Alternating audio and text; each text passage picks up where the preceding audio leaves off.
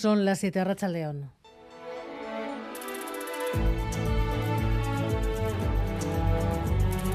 Gambara con Arancha García.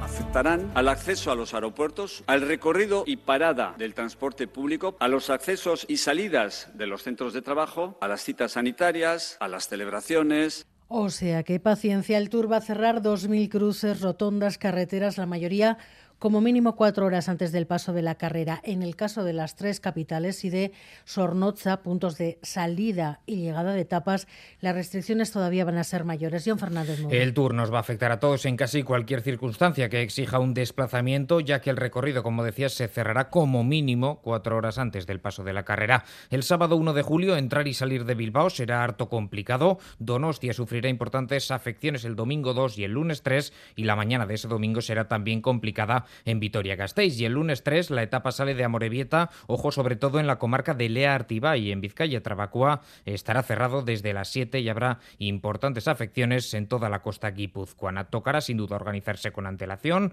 Para ellos se pueden consultar los rutómetros en la web letour.euskadi.eus.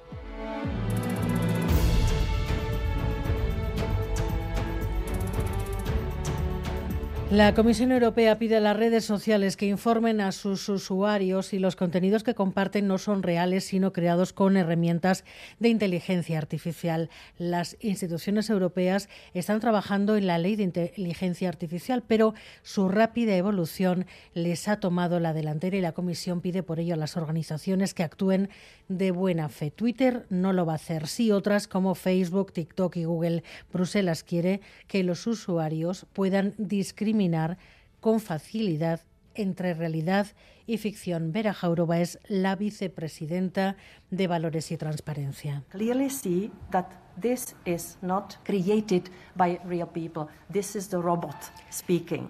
Y la política se pone en modo campaña otra vez. Pedro Sánchez quiere centrar el foco en el eje PSOE-PP entre él o Feijó y por eso ha propuesto al presidente del PP un debate todas las semanas hasta el día de las elecciones. El PP ya ha dicho que no acepta. El PNV, entre tanto, avanza que sí. Después del 23 de julio, Sánchez necesita de sus votos para formar gobierno van a subir las exigencias. Probablemente al acuerdo que vayamos vaya a ser mucho más concreto y con momentos y fechas tasadas. Los grandes acuerdos ideológicos de cambiar un poquito estructuras, etcétera, de lo que era el acuerdo de investidura, pues ahí eh, pues han dado remoloneando. ¿no? Probablemente iremos a algo muchísimo más concreto, más reducido, pero con fechas determinadas y con garantías, porque bueno, la experiencia nos ha demostrado que tiene que ser así. Aitor Esteban, hoy en Radio Euskadi, en Boulevard. Además, EH Bildu mantiene su columna vertebral en Madrid. Repiten Merche Izpurúa y Óscar Matute como cabezas de lista al Congreso y sumar lo que va haciendo es agotar los plazos para poder ir juntos en coalición. Isaro a Madrid. El reloj no para de correr, el plazo termina el viernes y después de una semana de negociaciones aún no hay acuerdo entre Sumar y Podemos. La voluntad para lograr un pacto es evidente por ambas partes. Sin embargo, hoy los morados deslizan dos mensajes. La clave para el éxito de la negociación es la discreción y no permitirán ningún veto. Eso sí, desde Podemos confiesan cada minuto que se destina a la negociación es un minuto perdido en la campaña. Y día de huelga hoy en Michelin, los trabajadores de Gasteiz y Las Artes están secundando masivamente la protesta según los sindicatos convocantes, para pedir subidas salariales que aseguren el IPC real. Por cierto, que el BCE reconoce que la inflación, la subyacente, aún no ha tocado, al, aún no ha tocado techo y pronostica más subidas de los tipos de interés.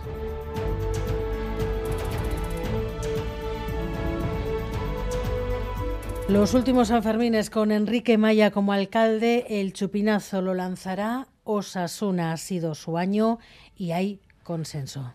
Genial, justamente este año me parece lo correcto, vamos. Nos parece muy bien, parece fenomenal. Ha sido una buena temporada que es bueno para la ciudad, tanto anímicamente como económicamente. No me parece mal, pero tampoco me parece que siempre haya que ir hacia ese lado. El año pasado me pareció mejor. Pues perfecto, a festejar un buen año y acabar bien el año, ¿no? Qué mejor que sean ellos. Y en carreteras, retenciones hasta ahora, un par de kilómetros de retenciones hasta ahora en la A8, en el túnel de Malmasín, en Basauri, sentido Bilbao, debido a un camión averiado que está ocupando el carril derecho.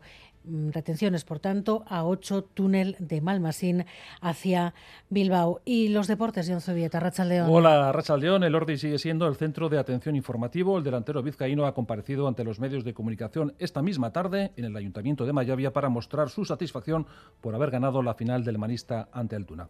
En fútbol, como decía, Osasuna lanzará el chupinazo de San Fermines y David García ha emitido un comunicado en redes sociales en el que ha lamentado que se perderá por lesión su segunda llamada para la selección española. Además, Iñaki Williams no irá con la selección de Ghana por unas molestias en su rodilla derecha y en ciclismo, segunda etapa de la Dauphin Liberé con triunfo de Alaphilippe del Quick Step. A Verasturi del Trek ha sido décimo tercero. Laporte de Jumbo Visma sigue siendo líder. Mikel Landa está en la posición 44 a 32 segundos.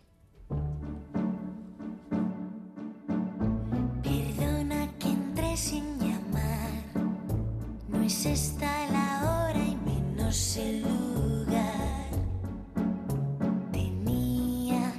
Y en nuestra contra hoy, la relación entre la vida y la muerte en Zubiri, en Navarra, y una respuesta vecinal contra el velatorio que quieren abrir en plena plaza. No quieren sentir el dolor de la muerte donde el pueblo más vida tiene, es lo que dicen. El caso es que este tema nos lleva al fondo de otro debate. ¿Cómo tenemos que relacionarnos con la muerte? No es bueno negarla ni taparla, pero es conveniente tenerla delante. Aritza Aguirre. La mayoría de los vecinos de Zubiri no quieren que en medio de la plaza del pueblo les abran un velatorio. Es una incomodidad. Hay muchos problemas de circulación, es un espacio reducido y pues que ahí encima entre más coches, más problemas de aparcamiento, Zubiri ya está sobrecargado. Pero el problema va más allá de lo banal. Tiene que ver con el alma, el sentimiento. No quieren tener la presencia de la muerte en primera línea. Y es un sitio donde la gente del pueblo tiene vida. No quieren que se rodee de tristeza la plaza donde se llena de felicidad porque allí juegan los niños y tampoco que en los bancos de esa misma plaza, donde cada mañana y tarde se sientan los mayores, tengan delante el paisaje de la muerte, como si estuvieran en la antesala de lo que les va a venir. Es un lugar en el que se juntan todos los niños, los abuelos, es un lugar que se hacen todas las fiestas, carnavales, hay carreras, es el centro neurálgico donde la gente vive. Pero hay debate, no todos los vecinos piensan igual, porque la muerte siempre nos pasa por delante, es ley de vida. También cuando se va a la iglesia, cuando se va al cementerio, quiero decir que es una cosa que también se ve, da tristeza y eso se, eso se ve más y, y lo aceptamos como normal, ¿no? Pero aun sabiendo dónde acabaremos, hay quien prefiere no tenerlo delante, que esté a las afueras, para ir si hace falta, pero sin que la muerte venga donde tu plaza. La zona de los camineros, donde el gobierno de Navarra tiene una disponibilidad de casas que tiene vacías y medio abandonadas, pues está bien. Estoy hablando de la ubicación, de la falta de sentido común con la ubicación. El alcalde de Subir y Miquel Gastesi insiste en que todo es legal. Cuando viene un promotor privado a poner una actividad, tiene unos derechos, tiene el derecho de hacerlo, ¿no? Entonces, si cumple la normativa actual que hay que aplicarle, el ayuntamiento tiene la obligación de garantizar ese derecho de promotor, ¿no? La empresa que tiene ya los permisos para construir el velatorio prefiere no tomar parte y seguir adelante. La ley le ampara. También algunos comerciantes empatizan con su derecho. Yo soy comerciante, eso considero un comercio. Pero aun siendo legal, los vecinos están dispuestos a movilizarse para que al final el proyecto fracase. En otros pueblos sí que se ha logrado por la oposición del vecindario, entonces aquí vamos a seguir intentándolo. En una cosa hay consenso, que sea donde sea tenga pocos clientes. Afortunadamente esto es una población pequeña y nos morimos relativamente poco. Intentar regatear a la muerte y que el humor y la salud nunca falte.